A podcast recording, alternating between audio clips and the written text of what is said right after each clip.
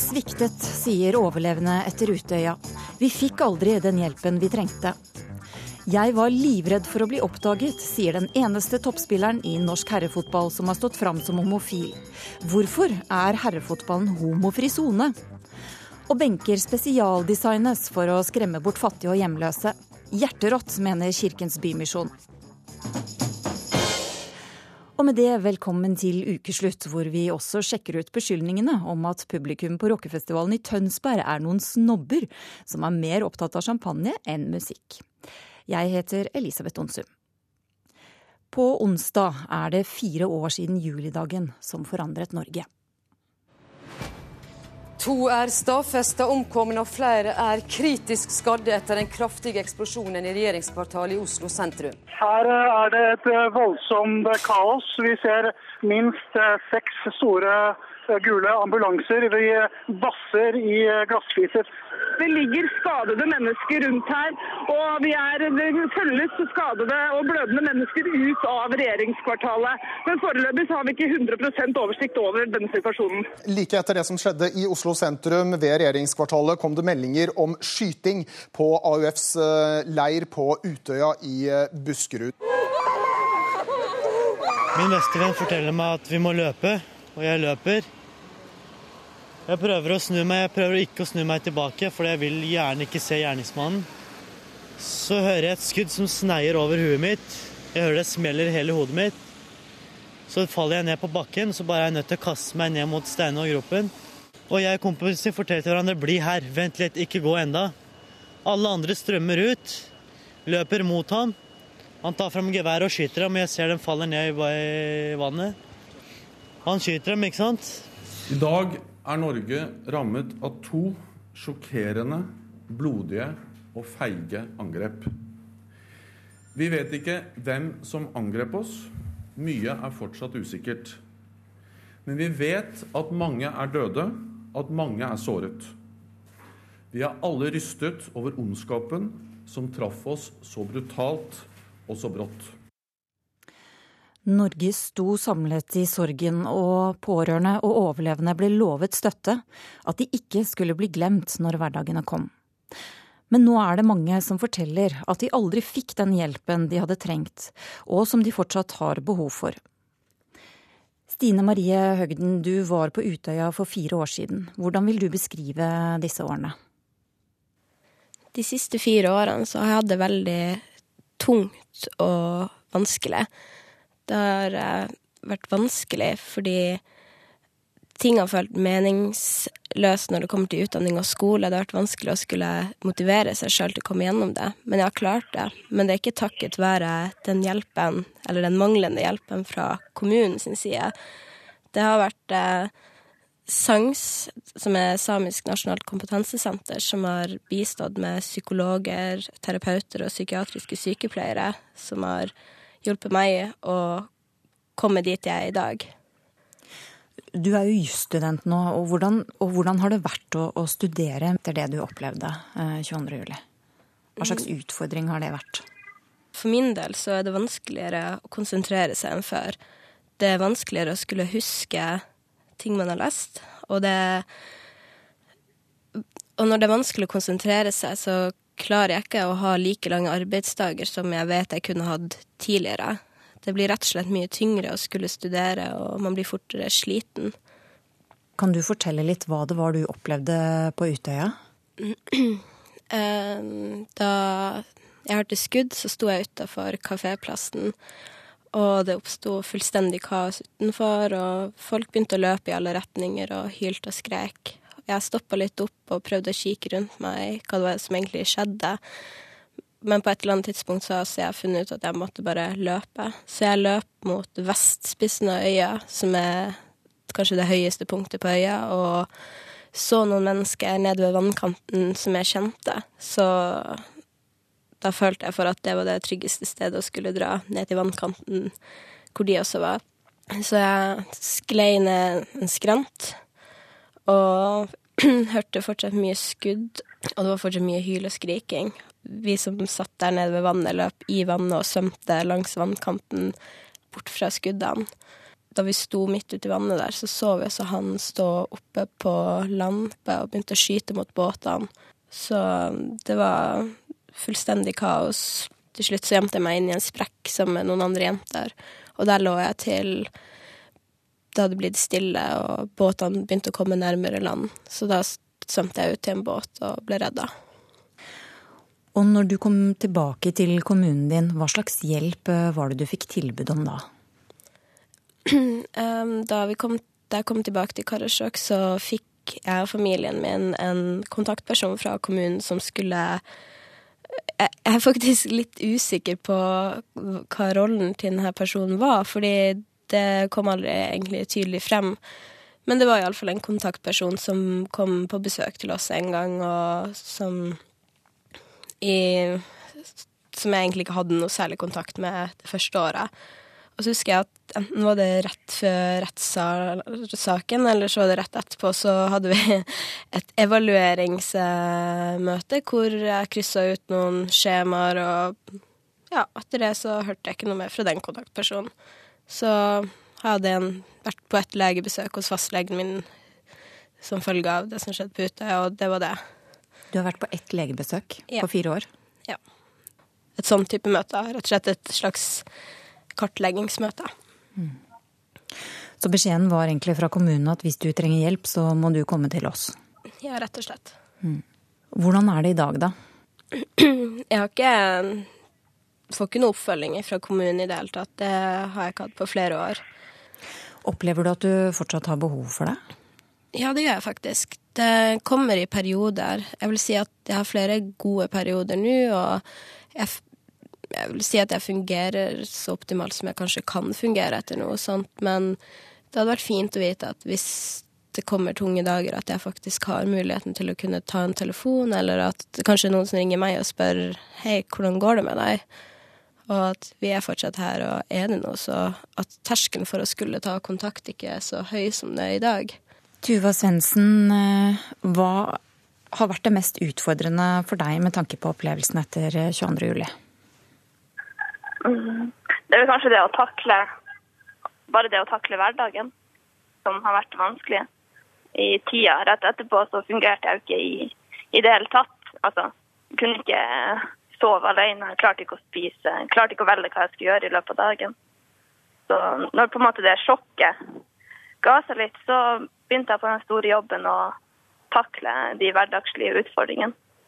Og det er vel egentlig det jeg har holdt på med de siste fire årene. Eh, å bygge meg opp igjen og komme dit hvor, hvor jeg er i dag. Mm. Og Hva slags hjelp fikk du fra kommunen i denne prosessen? Eh, jo, jeg er fra samme kommune som Stine, så jeg fikk også lege, den legetimen gratis hvor vi snakka om eh, jeg vet ikke, Vi snakka kanskje ikke så mye, men vi så om jeg hadde noen fysiske skader. Og det ble spurt om jeg trengte sovetabletter. Eh, da har jeg også hatt den der eh, kontaktpersonen som var hjemme hos oss i et kvarter, tror jeg, og snakka litt med mamma og pappa. Og ellers har jeg ikke hørt noe som helst fra kommunen. Hvordan opplever du det? Det oppleves jo som et svik, egentlig. Og særlig når når eh, vi i ettertid fikk vite hvor mye penger kommunen hadde fått, som det faktisk skulle bruke på oss, og som de har sagt at de har brukt på oss, og så sitter man der og har gått gjennom de her årene eh, uten deres hjelp, men, men, i ettertid så lyger de og sier hva de har brukt alle pengene på. Det oppleves jo ganske fælt. Og jeg kjenner meg ganske sint fordi at kanskje de her årene kunne vært lettere for oss. Kanskje vi kunne fått mer hjelp. Og kanskje vi hadde sluppet å, å gå gjennom alt det uten deres hjelp. Hva tenker du om det, Stine Marie? Jeg er ganske enig i det Tuva sier. Det føles som et svik, og det er ganske frustrerende å sitte her i 2015 og tenke at kanskje de årene på videregående, kanskje de årene på universitetet hadde vært så mye lettere. Kanskje man hadde klart seg bedre. Hadde mye bedre. Og det å bare hadde en utstrakt hånd og hadde et tilbud som faktisk var fungerende, det hadde, jeg tror jeg hadde hjulpet ganske mye. Solveig Boine Nikken, du er varaordfører i Karasjok. Og ungdommer i din eh, kommune som eh, overlevde Utøya, forteller at de opplever det som et svik at ikke de har fått bedre oppfølging. Hva sier du til det? Det beklager jeg veldig på vegne av kommunen. Og de, når ungdommene føler at de ikke har fått den bistanden som de har hatt behov for. Men de forteller bl.a. at de har fått én legetime på fire år. Er det forsvarlig? Nei, det er ikke forsvarlig. Og, og det er ikke noe som de skal akseptere. Og, og Derfor så har foreldregruppen tatt kontakt med kommunen. Og kommunen har da oppretta dialog med foreldregruppene. Men jeg kan ikke svare detaljer hva som er satt i gang, for det er ordfører og rådmann som har hatt regien på, eh, på den dialogen. Men på vegne av kommunen så, så kan jeg si at, at, det er ikke akseptabelt at eh, ungdommen ikke får den bistanden som de har behov for. Dag André Andersen, du er nestleder i støttegruppa etter 22.07. Hvor representative er disse historiene til Tuva og Stine Marie, som vi hørte? Jeg tror de er veldig representative. Ehm, vi får jo ukentlig inn rapporter eh, på eh, familier og personer som sliter med akkurat det samme. At de møter kommuner som har eh, lagt ned tilbudet og som når, når, de spør, så sier de at de har ikke noe annet tilbud enn det ordinære tjenestetilbudet i, i, kommunen. Så jeg tror at dette er veldig representativt. Og det understøttes jo også ut av NKVTS sin undersøkelse som sier at eh, NKVTS. At, eh, Bare si, ja, NKVTS, ja. Si, si kort hva det er. ja, det er en nasjonalt kunnskapssenter for vold og eh, traumatisk, eh, ja, og traumatisk stress. Ja. Det er statens kompetansesenter for det. da. De har regionale senter over hele landet. De er eksperter på dette. Anne Grete Erlandsen, er statssekretær i Helse- og omsorgsdepartementet. Hva gjør dere for å følge opp eget pålegg om å drive proaktivt eh, helsearbeid? Der foregår det flere ting. Eh, der foregår det bl.a. Eh, i regi av Helsedirektoratet et tett eh, samarbeid med støttegruppen for eh, de etterlatte og skadde etter 22.07. Og det, det, tilbudet fungerer ganske tett, og de har også en, en dialog om hva er det som skal til for tiden framover. I tillegg til det så er det jo sånn at denne regjeringen her er spesielt opptatt av psykisk helse. Og har jo da Vi har også satt i gang flere tiltak som er viktige i denne sammenhengen. Bl.a. Eh, at vi sørger for at det blir bedre tilgang til psykolog i kommunene. Eh, og at eh, det også blir mer ressurser til skolehelsetjeneste og helsestasjon. Mm. Og her er jo ungdomshelsetjeneste viktig for denne gruppa. Mm. Men nå fortalte jo disse jentene at de har hatt ett legebesøk i løpet av fire år. Hva sier du til det? Mm. Nei, Det er jo ikke vanskelig å være enig med dem i at det var jo litt snaut, for å si det forsiktig. Eh, det som jeg er veldig glad for, det er jo det som Stine Marie forteller, at hun har vært i kontakt med SANKS, som er, eh, er den spesialisthelsetjenesten som er til, mest tilgjengelig for henne der hun bor. Og de er flinke og dyktige og har eh, gjort jobben sin. Men det som er viktig, det er at det er ikke sånn at vi kan sitte her eh, og, i studio og ei heller på de ulike kontorer og si at eh, nå er tilbudet bra nok. Fordi at her er det veldig ulikt hva de enkelte personene trenger. Det hører vi fra disse to jentene også. De ønsker seg fortsatt kontakt. Og det er helt klart sett fra mitt ståsted at hvis de ber om kontakt med helsetjenesten, så skal de selvfølgelig få det. Dag André Andersen, hvor alvorlig er situasjonen sånn som du eh, oppfatter det, fra de du er i kontakt med? Ja, altså, Hvis jeg bare tar det, tar det første først. Um, vi har Støttegruppa hatt en utrolig god dialog med Helsedepartementet og Helsedirektoratet. De er ikke de som er problemet her. fordi De har gitt klare beskjeder til kommunene eh, om at det skal være proaktiv oppfølging. Man må ta kontakt med folk, må oppsøke folk og høre hva de trenger. Og Det har vært tydelig fra dem helt fra rett etter 22.07. i all korrespondanse via fylkesmennene. Men det skjer altså en ansvarspulverisering fra departementet og ned til, helse, ned til fylkesmenn og kommunene. I, der så skjer det en ansvarspulverisering. Eh, de brevene som vi, som vi, vet er sendt fra departementet, eh, som vi har gitt til familier eh, som, som, sliter og som, som prøver å få kommunen til å gjøre noe, vi viser de brevet. Når de, når de i møte med kommunen og legger frem brevet, så har ikke kommunen mottatt brevet. De, de aner ikke hva, hva, det inneholder. Har aldri sett det. Det er et kjempeproblem. Eh, det virker som at det er både, det er både manglende kompetanse i kommunene på dette med proaktiv oppfølging. Det virker som det er manglende vilje og også manglende ledelse. Det er ingen som tar tak i dette. Det er ingen som er ansvarlig. Det er altfor dårlig. Mm. Ja, og så En annen ting også, at det, det, er mange familier der ute som sliter. Uh, med, til, med, med, problemer. Uh, de går til spesialhelsetjenesten med ungene sine. Uh, der får de beskjed om at, der får de enten beskjed om at det er for lang ventetid. Dere, er ikke, dere, er, dere fra 22.07 er ikke prioritert gruppe lenger. Dere må vente. Eh, eller så får de beskjed at nei, dere er ikke syke nok, så dere, må, eh, dere blir henvist til kommunehelsetjenesten. Så går de til kommunen, så sier kommunen at nei, men vi har ikke kompetanse til å behandle dere. Og Da er man så faller mellom to stoler. Og dette er, et, eh, dette er, veldig mange som har det samme problemet. Og Det er utrolig dårlig samfunnsøkonomi å frata folk som er i sin beste alder med utdanning, muligheten til å uh, altså At de skal gå så lenge uten å få hjelp, det er utrolig dårlig samfunnsøkonomi og utrolig uh, tragisk for den enkelte som det gjelder. Er det et problem her at, at det er, skjer en ansvarspulverisering? Jeg vet ikke riktig om det skjer en ansvarspulverisering på den måten som du beskriver i forhold til at det håper jeg, ansvarspulverisering nedover. Men det som jeg syns er utrolig viktig å understreke, det er at både helsesøstertjenesten for ungdom og ikke minst fastlegen er et viktig kontaktpunkt i enhver kommune og for enhver person i Norge. Alle har en fastlege, hvis de ikke har reservert seg mot å ha det. Eh, og da er det rett og slett å holde tak i fastlegen. Og fastlegen er den som da er en viktig partner her i å koordinere tjenestene.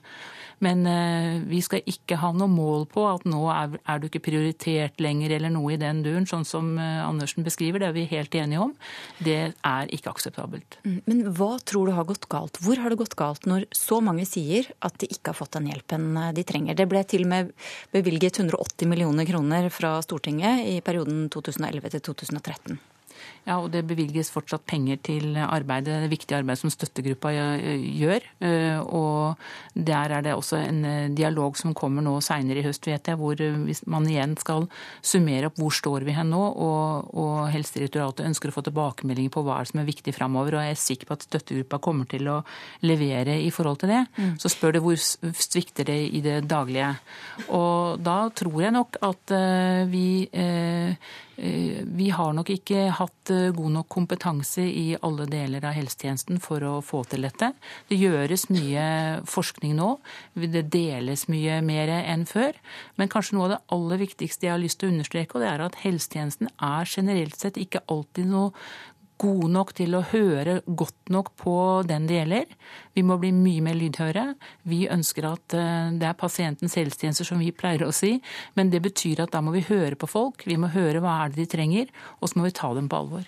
Eh, man ser jo at Hvis du ikke får det tilbudet du, vil, du har krav på, så kan du klage. ikke sant? Mm. Men poenget er det å sette seg ned og skrive et brev når man er så langt nede som mange av disse menneskene er, det er som å bestige Mount Everest. Altså, det er en formidabel oppgave. Og Systemet er, er jo laga sånn at det er liksom de som er ressurssterke, som, som, klarer seg. De som har ressurser som klarer å komme seg gjennom all den røde teipen som er i det offentlige. Eh, så, så det, det, det, vi trenger, det er og Dette er på lang sikt. Jeg, jeg, er tilbøyelig til å mene at eh, kommunene burde fratas eh, det ansvaret som har med, med, med oppfølging etter sånne katastrofer sånn der, og psykologisk oppfølging. Det burde heller lekkes til fylkeskommunen med, til en avdeling som har, kun har det som oppgave, å følge opp mennesker. For det er, mange, det er så mange, mennesker som går sykemeldt i det landet her, som skyldes eh, traumatiske opplevelser, eh, som kunne kommet seg i jobb igjen eller på skole igjen hvis de hadde fått den oppfølginga de skulle ha. Har du tenkt over hvorfor trikkestoppene og busstoppene i Oslo er designet som de er? Kanskje ikke, men mange av benkene har fått en ny fasong som gjør det som gjør at det er umulig å legge seg ned på dem. Og ved Oslo sentralstasjon kommer det nå armlener som skal skille hvert sete på benkene, og Kirkens Bymisjon mener det er ekskluderende arkitektur, ment for å luke ut fattige og hjemløse fra offentlige steder. Nei, nå måtte jeg bare hvile litt. Jeg har jo to bein som jeg holdt på å bli amputert, så jeg, skal, jeg må være forsiktig med beina mine. Så Tor Odinsen har satt seg ned på trappa utenfor Oslo S, et område han kjenner godt fra alle de årene han bodde på gata i Oslo. Hvis jeg snakker litt utydelig, så er det fordi jeg nettopp har fått tenner, så Det får forferdelig å gå uten. Skrumpa ansiktet inni som og ble, jeg ble en helt annen person. Eh, det var helt forferdelig. Han har levd et hardt liv og tilbrakt utallige netter i trappeoppganger, under brua og på en benk på Oslo S. Men nå skal benkene på Oslo S gjøres om, sånn at sånne som han og andre som vil sove, ikke kan legge seg der. Det vi har snakket om er å gjøre mindre endringer på, på de offentlige sitteplassene, eh, som i dag ikke har armlener i noe særlig grad. Det samme har blitt gjort på benkene i en park i Sandvika. Armlenår er satt på på midten, sånn at de ikke kan ligges på. Og under bruene ved Sinsenkrysset har Vegvesenet lagt store kampsteiner for å hindre overnatting. Ekskluderende eller fiendtlig arkitektur kalles fenomenet der benker, parker og andre offentlige plasser blir utstyrt med hinder, sånn at uteliggere eller andre som trenger en plass å sove, ikke skal slå seg ned der. Jeg, jeg syns det er trist. Det sier Tove Korneliussen i Kirkens Bymisjon. Hun syns utviklinga er betenkelig og skremmende. At det gir en type markering av at det ikke er plass til alle i det offentlige rommet. Vi ser det og vi opplever det som upraktisk, men vi klarer ikke å forstå at det er en bevisst handling bak. da for å utelukke noen. Og det er ofte noe man ikke legger merke til. De som oppfatter beskjeden, er dem som ikke er ønska. Ja, jeg har opplevd det. Så jeg har vært kassemusikant i Gøteborg og København. Og der var det mye sånt. Det var spesielt på jernbanestasjonen og sånne type ting. For det er mer utbredt i andre land, ifølge Fredrik Edin. Han har skrevet en masteroppgave om ekskluderende arkitektur, som nå har blitt grunnlag for en forskningsrapport ved Lund universitet i Sverige. Men i Sverige er det jettevanlig. Det finnes på nesten alle store stasjoner, på alle kjøpsentrum, på torg. Det finns liksom överallt. Och jag, jag vet inte om det har blivit vanligere eller om det er jeg som tittar mer efter såna här saker. Men det, i Sverige finns det precis överallt. Eh, det konstiga var när jag började forska i det här var att jag såg att det, det var egentligen väldigt få som, som eh, hade skrivit någonting om det här. I større europeiske byer har han sett eksempler på innretninger som skal holde uteliggere borte. Pigger utenfor butikkvinduer og restauranter og sprinkler som spruter vann på dem som prøver å legge seg ned. Edin beskriver det som økonomisk rensing av byene. I stedet for å forsøke å ta hånd om de her problemene, så, så eh, jager man i vei menneskene som er utsatt for dem. Det er jo det eneste trygge stedet å sove, liksom. Der hvor det er, der hvor det er uh, vektere og kameraer og Så å legge seg til noe sted hvor det ikke er overvåkning, det er rett og slett blitt livsfarlig. Så Nei, det er uh, veldig vanskelig dette her, altså. Og de, disse gjengene som går rundt, de slår folk halvt i hjel for å kanskje få stjålet uh, noen hundrelapper, liksom. Og jeg møter den ene etter den andre som har eh, brekt omtrent eh, hjerneskallen og, og er helt ødelagt i kroppen fordi de har eh, blitt utsatt for dette her. Til høsten skal Oslo S montere armlener mellom hvert sete på benkene for å få folk til å slutte å sove i avgangshallen. Men regiondirektør i Rom Eiendom Knut Johansen og Mailis Daljord fra Jernbaneverket avviser at det er for å jage vekk uteliggere.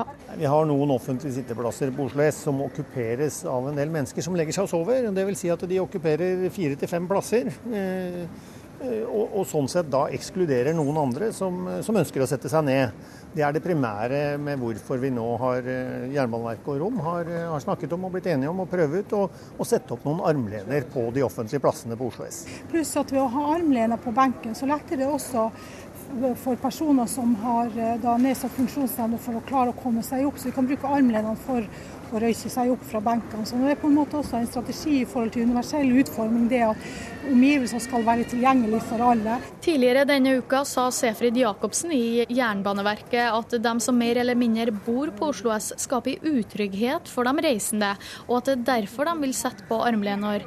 Men ifølge Johansen er det ikke det som er bakgrunnen. Altså, det går mer på opplevd trygghet og sikkerhet, fordi en del personer vil oppleve det som litt utrygt og usikkert hvis det ligger mange og sover rundt deg som du er usikker på, og ikke kan gå bort, føler at du kan gå bort til å vekke fordi du ønsker å sette deg ned. På Oslo S er meningene delt. Jo, det er jo bra. Jeg vil ikke ha noen utbyggere her. Nei, du vil ikke det? Nei. Hva tenker du?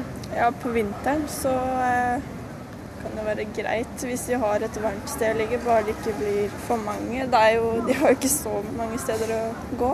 Nei, Det syns jeg er å gjøre samfunnet vårt styggere. Altså Å beskytte oss selv mot, mot, fattige mennesker.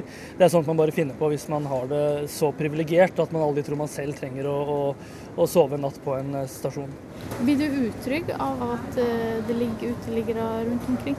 Ja, jeg er ikke herifra, og jeg syns Oslo er stor, stor skummel by for en som kommer fra bygda. Men tryggere er, er, disse menneskene, er fattige mennesker egentlig en trussel? Er, er de en fare? Jeg er vant for å se det. Eh, så nei, jeg, jeg syns det rett og slett er noe tull. Fredrik Edin mener sånne innretninger vil bidra til økte sosiale forskjeller i samfunnet, og tror mange eiere og politikere vil kvie seg for å innrømme at det er ekskludering som er formålet med designet. De sier ofte at nei, men det her er ikke alls meningen å eh, skremme i vei fattige eller noe sånt. Men jeg tror at jeg tror at antingen så vet man ikke om det, eller så våger man ikke riktig stå for det. Rumpa godt innpå. Da vifter du litt med beina. Mange vanlige reisende tenker kanskje ikke over hvorfor benkene ved de aller fleste busstoppene i Oslo ikke er flat, men avrunda og oval. Øyvind Markussen, administrerende direktør for JCDK i Norge, bekrefter at de er designa med tanke på at det ikke skal gå an å legge seg der. Vår oppgave er å gi de kollektivreisende den funksjonaliteten de trenger. Og det er klart at Hvis da deler av leskuret skulle vært opptatt av overnattende uteliggere, så løser ikke vi den oppgaven vi er satt til å løse, nemlig å gi de kollektivreisende den funksjonaliteten de trenger. De har designa benker sånn siden midten av 60-tallet, og han forteller at det overhodet ikke er et mål å forsøke å skjule hva benkene er designa for. Det er det ikke. Altså, det gjør man jo med designgrep, sånn at funksjonen er ganske åpenbar. Og det gjelder for all god design, at det skal være veldig lett å forstå designet, lett å forstå bruken. Eh, dermed også lett å forstå hva det ikke kan brukes til. Så, så det er ikke et designgrep for tydelig å ekskludere, det er et designgrep for tydelig å understreke funksjonen. Heldigvis slipper Tor Odinsen å bekymre seg for hvor han skal sove framover, for han har fått en kommunal leilighet å bo i. Til slutt så gikk det så på helsa løs at uh jeg lå på sjukehus og måtte nesten amputere beina. Så, men så har jeg fått en kommunal leilighet og skikker meg bra. Reporter var Tanita Vassås Kveina. Dette er ukeslutt i P1 og P2. Den neste halvtimen får du høre at festivalpublikum i Tønsberg slår tilbake mot Kvartgeneralen, som kalte dem snobber med laber musikkinteresse. Når du konker to av de største festivalene i Norge på så kort tid, da kanskje du skal ta deg en bolle. Og Norges Fotballforbund møter homofil fotballredaktør til debatt. Om det er homo eller trans eller et eller annet, det har ingen betydning. Altså. Så lenge du kan spille ball for Vålerenga, ha på deg blå drakta og du er fra Mars, ett fett for meg, altså. Fotball er bestandig blitt regnet som en veldig veldig sånn tøff og litt sånn ordentlig gutte-mannesport. Det blir fleipa veldig mye om homofili og vært mye røff, røff garderobesnakk. da. Hvis du da er homofil i et fotballmiljø, kan det være vrient å stå fram. Tolv gutter står og dusjer sammen, typ. Det blir, folk syns det er ekkelt. Vi, vi, vi, har mye igjen å gå der. Jeg skjønner ikke hvorfor de skal uh, måtte stå fram. Altså, Du må ikke stå fram hvis du er uh, heterofil, så hvorfor skal du stå fram når du er homofil? Det som teller for meg, er at fotballspilleren uh, er glad i Vålerenga. Den gode supporteren vil ikke brydd seg. De dumme gjør dumme ting. Klare meldinger fra gutta på Bohemen i Oslo. Og fakta er dette. Det er ikke en eneste åpent homofil herrespiller i norsk toppfotball. Det er bare én som har stått fram som åpent homofil. Det er 15 år siden. Og nå går debatten om norsk fotball lider av homofobi.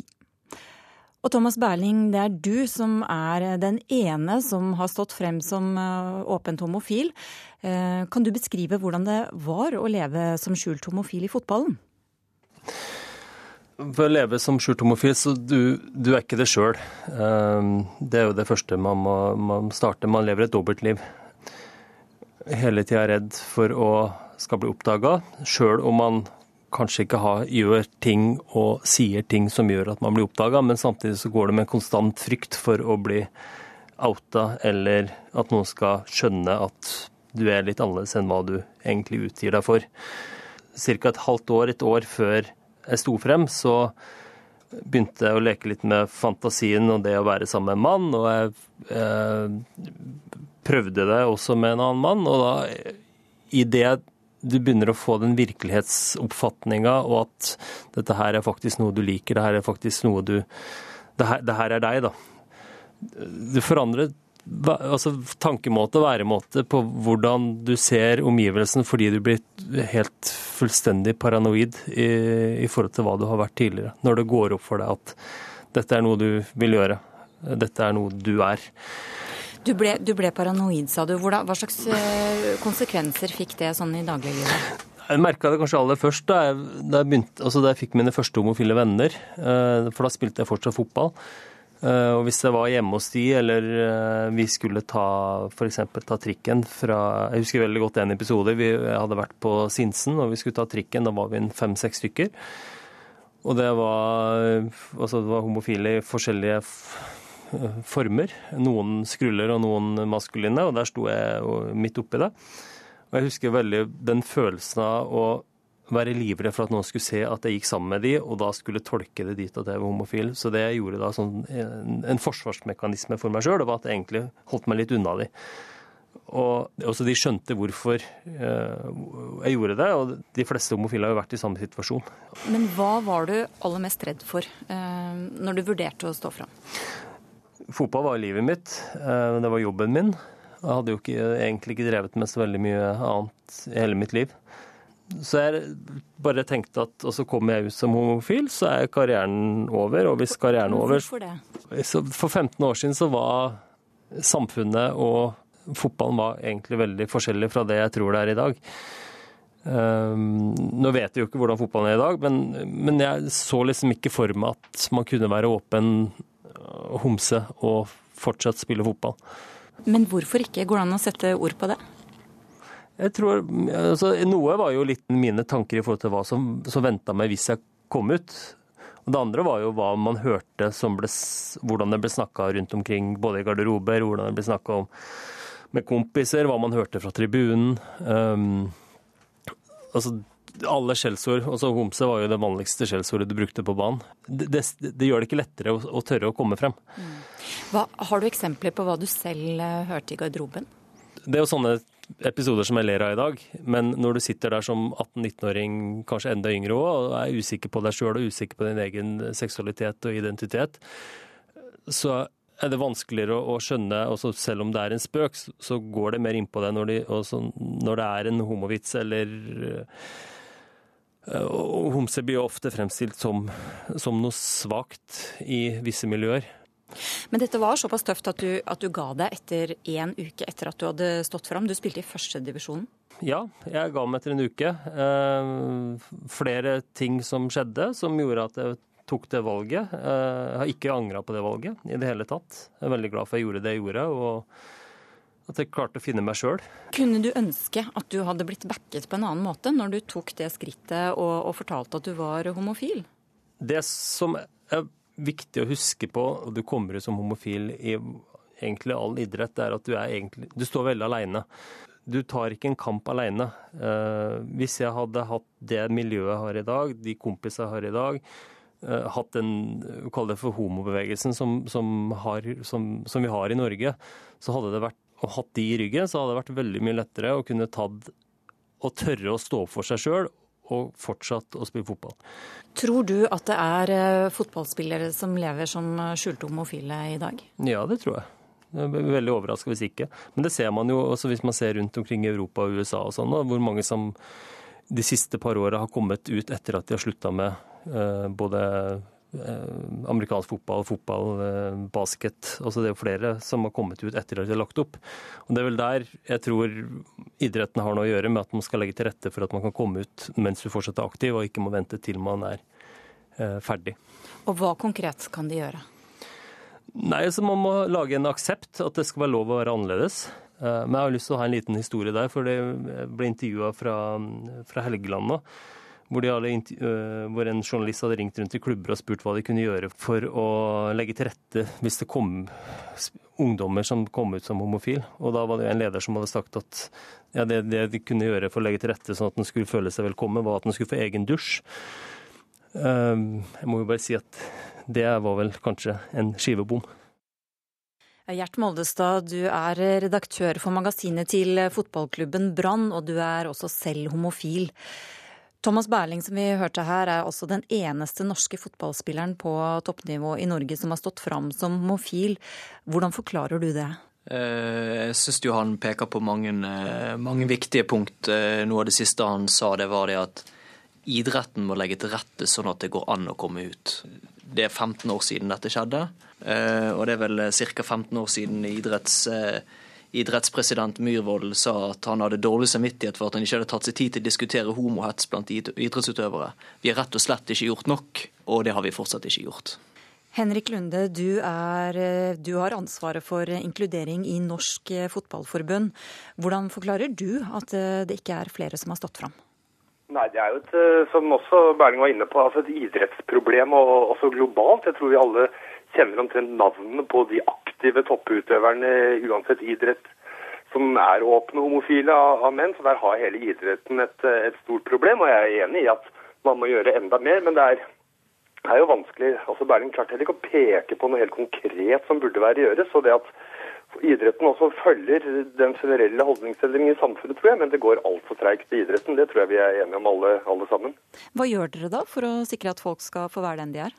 Nei, Vi har jo for, for, så vidt eh, både tatt dette med å jobbe mot det negative, altså dette med hets både fra tribuner på, eh, på, banen, som også blir praktisert og forankret i det verdisettet vi har. Og så går det på det å jobbe for og at man skal kunne delta i idretten da i fotballen for mitt vedkommende med, med hele seg. og Det gjør vi gjennom det fair play-arbeidet vi gjør, hvor homofili er en egen del av det at vi respekterer andre mennesker, uansett hvor de er født eller hva de tror på eller hvem de er, da måtte være kjæreste med. Og jobbe med det allerede fra, fra ung alder. Det er på en måte den, den grunnjobbingen vi gjør på temaet. da. Moldestad, hvordan ser eh, Fotballforbundets arbeid ut eh, på dette området fra der du sitter? Det, det arbeidet som Fotballforbundet gjør, som, som Lunde beskriver her, det er rosverdig. Eh, det betyr ikke at det ikke går an å ha flere tanker i hodet på en gang. Og I tillegg så har jo vi ekspertise som forteller hvordan har homobevegelsen fått ting til i norsk historie. Jo, synliggjøring og markering det er en av de viktigste tingene de kan vise til. Ja, så Markeringer er absolutt uh, helt greit, men vi tror på at den mer grundige holdningsjobbingen som foregår ute i de 29 000 lagene og klubbene vi har, det er der som er det viktige. Den praten som treneren har med de andre gutta på gutte 15, der er det vår jobb å gi den treneren verktøy for å kunne ta den praten. Så de slipper altså som Berling var inne på, at folk tror at det å få en egen dusj skal være at det er den veien å gå. At det er en helt annen vei vi må snakke om nå i, i 2015. Men man kan jo få inntrykk av at, eh, av at det, er flere, altså det, er flere, homofile prester som har stått uh, fram, enn det er uh, fotballspillere fra toppsjiktet, i hvert fall når det kommer til herrene. Da, da, har man vel kanskje ikke gjort jobben sin, da? Ja, Det er mulig, men altså, vi er både en ting er disse toppspillerne vi hele tiden snakker om, vi har også bredden. altså De fleste er jo i bredden. så det er klart det at det er en jobb for hele fotballen, ikke bare akkurat det på, på, på toppnivået som, som gjelder. Og så er det selvfølgelig et annet spørsmål. Er det mange skjulte homofile toppspillere, eller er det ingen homofile som vil til toppfotballen? Det er også en uh, lite aspekt ved denne debatten som ingen helt har noe, noe klart svar på. Mm, hva tror du? Eh, jeg vil forbause om det ikke var noen uh, skjulte homofile i, i toppfotballen. Så rent statistisk så skulle det jo tilsi det, men, uh, men hvorvidt det er noe ved toppfotballkulturen som gjør at man ikke ønsker å gå inn der engang, det, det, det, det har jeg ikke noe klart svar på tror også det er viktig at vi går inn med den holdningsjobbingen tidlig. Og vi har det også som et tema i ungdomsfotballen, altså for 14-15-åringer.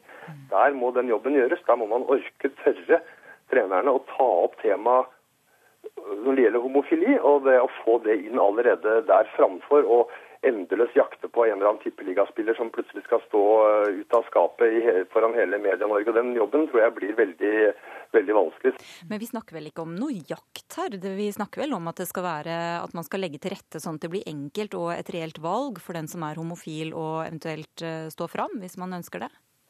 Ja da, en men jakt så mente jeg i forhold til media. og Der er det definitivt en jakt på den første åpne fotball, toppfotballspiller. Moldestad, hvorfor er det viktig at eh, homofile står fram også på toppnivå i fotballen? Eh, fotballspillere er jo helter. Eh, de, de, henger på plakater på soverom rundt omkring i hele landet. Det er, det er mennesker, hvis de sier noe, som, så, så, lytter andre. Så det er jo klart at det, det er viktig. Eh, men en, et, et, aspekt med det, rolle, denne rollemodellen er jo også markeringer. da. Eh, ved at supportere f.eks. tar inn eh, eh, regnbuefarger på en kamp, eller klubber gjør ting. For det er vel så viktig å se f.eks. et stort regnbueflagg på en arena, som at noen står frem. Begge deler sender ut et signal om, til de unge om at det skal ikke spille noen rolle hvilken legning du har. Det, det er fotball vi snakker om her. Ja, signaler er kjempebra, det er kjempeviktig, men vi tror nok fremdeles at den jobbingen som foregår i alle lagene våre, der hvor trenerne og spillerne sitter sammen og snakker om åssen er det å ha en, hvis en av gutta på laget var homofil, hvordan ville vi tatt det, er det greit, er det ikke greit, i forhold til respekt den jobben den tror jeg faktisk er den aller, aller viktigste. Det er jo flott at dere syns det er greit, da. Men uh, dere har jo ikke tidligere bare synes at det er greit. Dere har jo faktisk vært uenige. Dere har jo ikke ønsket dette. Dere har jo sagt nei til forskjellige markeringer. Dere har jo nektet fotballklubber å gjøre ting. Dere har nektet folk å komme inn på Ullevål. Dere sier nei til markeringer samtidig som dere har deres egne valg. Så én ting er at om dere hadde syntes det var greit, men dere har jo faktisk stått på barrikaden for å hindre dette. Men det er jo flott at det er greit nå, da. Da kan jo vi bruke, gjøre mer av det. Men altså, ingen som har stått på noen barrikader for å nekte noen markeringer. Men dere har jo sagt nei til f.eks. Eh, Brann når de ønsket å gjøre noe. Dere nektet jo, jo de å gjøre dette.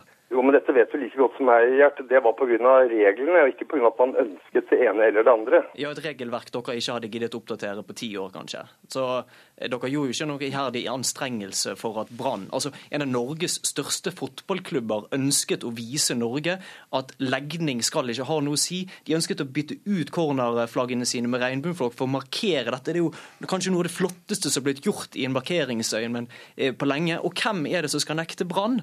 Brann å, å gjøre noe på egen stadion? Jo, det var Norges Fotballforbund. Og så kommer de etter tiden og viser til noe regel... Det var, det var regelverket på spillebanen dette var snakk om. Vi har gått gjennom det regelverket. Det har ikke... Vi har gått gjennom det regelverket sammen med folk i, i, NSA, og det regelverket har ikke vært endret på over ti år. Ja. Nei, men vår jobb er å forholde oss til det regelverket vi har, vet du.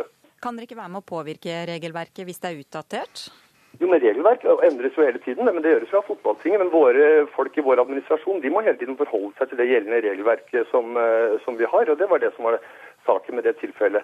Så kom det nye signaler, og dermed fikk jo også Brann lov til å ha disse cornerflaggene, Mollestad. Ja, de fikk lov til det. for ja, vi kontaktet... Er, vi vel, eh, da er vi vel i mål på den saken der. Vi kontaktet Fifa, for NFF var mer opptatt av å bruke tid og krefter på å nekte Brann enn å faktisk sjekke hva regelverket sa. Og det Fifa sa, det var at NFF tar feil. Men eh, en annen ting som vi også har som et veldig viktig verktøy, det er programmet med idretten mot homohets. Eh, Brann har, eh, har, hatt idretten mot homohets på besøk. De sa det var veldig lærerikt. Rosenborg har gjort det for en del år siden. De sier de har lyst til å gjøre det på nytt. Jeg synes det vært kjempeflott hvis alle toppfotballklubber i Norge inviterte med idretten mot homohets på besøk, og at landslaget gjorde det samme. Det har jeg prøvd å si flere ganger, men det, fortsatt så er det kun Rosenborg og, og Brann som, som, har gjort dette. Lunde, er det en god idé? Altså, vi jobber jo da med vårt Fair Play-program, som også har da homosaken som et tema. Både i forhold til mot den negative homohets, og også da for å legge forholdene til rette for at folk skal kunne, kunne stå fram. Og Det er et program som vi ønsker at alle fotballklubber i Norge skal kunne kjøre. men det er Verken vi eller NIF kan bestemme hva et idrettslag skal gjøre eller ikke gjøre. Så her må man jo bare oppfordre og prøve å få dem til å ønske å ta dette på, på dagsordenen. Sommertid er festivaltid, og de fleste festivaler har sitt spesielle publikum. Nå i helgen arrangeres Slottsfjellfestivalen, og publikum der har fått sitt pass påskrevet av tidligere kvart- og hovedgeneral Toffen Gunnufsen. Han påstår at folk der er et snobbete Helly Hansen-publikum, som er mer opptatt av champagne enn musikk. Ukeslutt, ukeslutt inntok Tønsberg på jakt etter champagnedrikkerne. Ser du veldig mange seiljakke med sjampisglass? Jeg ser ikke det. Sola skinner i Tønsberg, og Helly Hansen-jakkene de er ikke å se. Rundt meg ser jeg jenter med falske tatoveringer i gull og minimale olashorts. Pent kledde snobbegutter, svartkledde rockere og hipstere i T-skjorter fra band de håper at du og jeg aldri har hørt om. og veteraner. Rett og slett alle de klassiske festivaltypene. Og ikke alle er enige i Toffens beskrivelse av Slottsfjell-publikummet. Det er jo en eh, litt uh, halvbitter, uh, gammel festivaltraver som har sagt det, da. Jeg tenker at når du, når du konker to av de største festivalene i Norge på så kort tid, da kanskje du skal ta deg en bolle. Men selv om ikke alle er enige i Toffens beskrivelse, så er en stor andel av publikummet på Slottsfjell pent kledd. Det er mange skjorte- og pikékledde menn. Riktignok med øl, ikke champagne i hånda. Og det kan virke som at Toffens beskrivelse passer ganske godt på i hvert fall noen av de solbrune festivalgjengerne. Altså, jeg er fra Bærum, og Tønsberg er jo på en måte Vestfolds svar på, på Bærum, syns jeg. Ja, Det er jo ikke det slacker-publikummet man kanskje ser eh, på Moldejazz f.eks., men uh, det, er, det er et trivelig publikum, tror jeg vi kan si. Det er stemningen som er viktigst, vet du. Ja, det er hele. Det er ikke i nærheten av hva som er på HV også. Det er ikke noe særlig bra lineup her, men eh, vi kommer jo ikke for eh, artistene stort sett. da. Men hvorfor kommer dere? Det er for alle fest og Det er som en uh, tre dagers kveld på byen, bare mye bedre. Jeg, jeg leste artikkelen og det sto at publikum ikke følger med på musikken, men, men er mest opptatt av å drikke øl. Altså, jeg, jeg kjenner meg jo veldig truffet der. sånn er det på de fleste festivaler. Det er øl, det er god stemning, og folk koser seg. Og sånn er det. God musikk er en bonus. Jeg pleier å være på metallfestivaler, så det er litt uh, annerledes her uh, enn uh, vanlig, for å si det sånn. Det er mye blåskjorter. Det er folk som pynter seg litt for mye. Jeg tror vel de er her for stemninga, for å drikke øl. De som kommer hit er nok litt annerledes enn de du ser på metallfestivaler eller på Moldejazz. For mange er stemningen det viktigste. Og med strålende sol og en fantastisk utsikt over fjorden, så kan jeg godt skjønne det.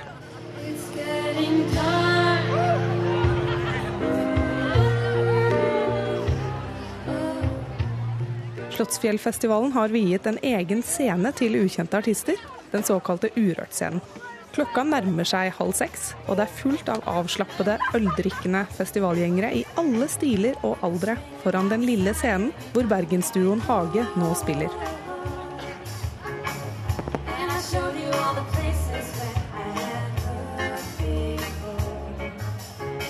Urørt-sjef Mari Garås Monsson møter meg bak scenen.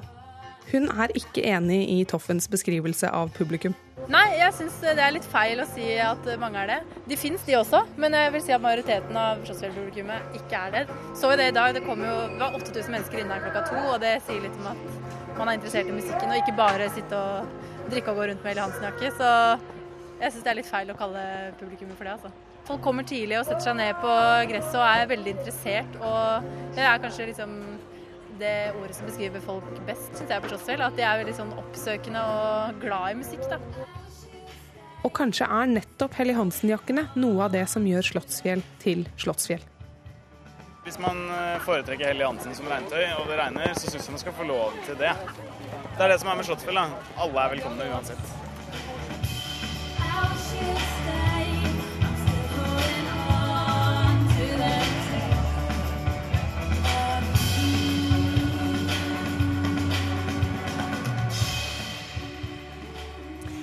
Vi skulle jo gjerne ha snakket med Toffen også om dette, men det ville ikke Toffen. Reporter var Karoline Arnstøl Elgesem. Og nå skal vi få vite hvordan været blir over det ganske land, Rafael Escobar Løvdahl. Ja, det er et lavtrykk nord i Nordsjøen, og det gir mye vind på kysten av Sør-Norge i dag. På kysten av Vestlandet sør for Feie blir det sørvest stiv kuling, også langs Skagerrak-kysten ventes det sørvest stiv kuling resten av dagen. Heller ikke fjellet i Sør-Norge slipper unna kuling, med en liten kuling fra sør-vest de utsatte stedene. Men i morgen søndag blir det minkende vind. Eh, selv om det fortsatt på Skagerrakskysten vil blåse opp i en liten kuling fra sør-vest. Når det gjelder nedbør i Sør-Norge, går det regnbyger. På Vestlandet sør for Stad såpass kraftige byger at det er sendt ut oppsvarsel på lokalt kraftige byger både lørdag ettermiddag og kveld, men 20-40 mm på under tre timer. Og det er mulighet for torden på Vestlandet, Trøndelag og nord på Østlandet i dag. Så over til Nord-Norge. Nordland. Her får man tilskyende vær og regn som brer seg fra Helgeland og gradvis nordover. I morgen dreier vinden på sør-vest kortvarig opp i en liten kuling på kysten, og det vil gå enkelte regnbyger. I Troms stort sett pent vær i dag, men nordøst opp i frisk bris på kysten. Men i morgen her eh, vil det da skye til, og det vil gå enkelte regnbyger. Og det er utrygt for eh, torden i sør. I Finnmark også noe sol i dag, og det ventes også i morgen. Stort sett opphold, men inne på vidda vil det gå enkelte ettermiddagsbyger. Og vinden i Finnmark den kommer opp i en periodevis østlig liten kuling de utsatte stedene. Så en oversikt over temperaturen nå klokken ett lørdag. Tromsø 16 grader, Trondheim-Vold 14 grader. Bergen, Florida 13 grader. Kristiansand-Kjevik 15 grader. Oslo-Blindern 19 grader. Og det var et eh, værvarsel her fra Meteorologisk institutt. Ukeslutt eh, er slutt. Gikk du glipp av deler av sendingen, kan du høre reprisen i Alltid nyheter klokka fire i dag, eller når du vil på nrk.no. Ansvarlig for sendingen var Lilly Fritzmann. Teknisk ansvarlig Hilde Tosterud. Jeg heter Elisabeth Onsum.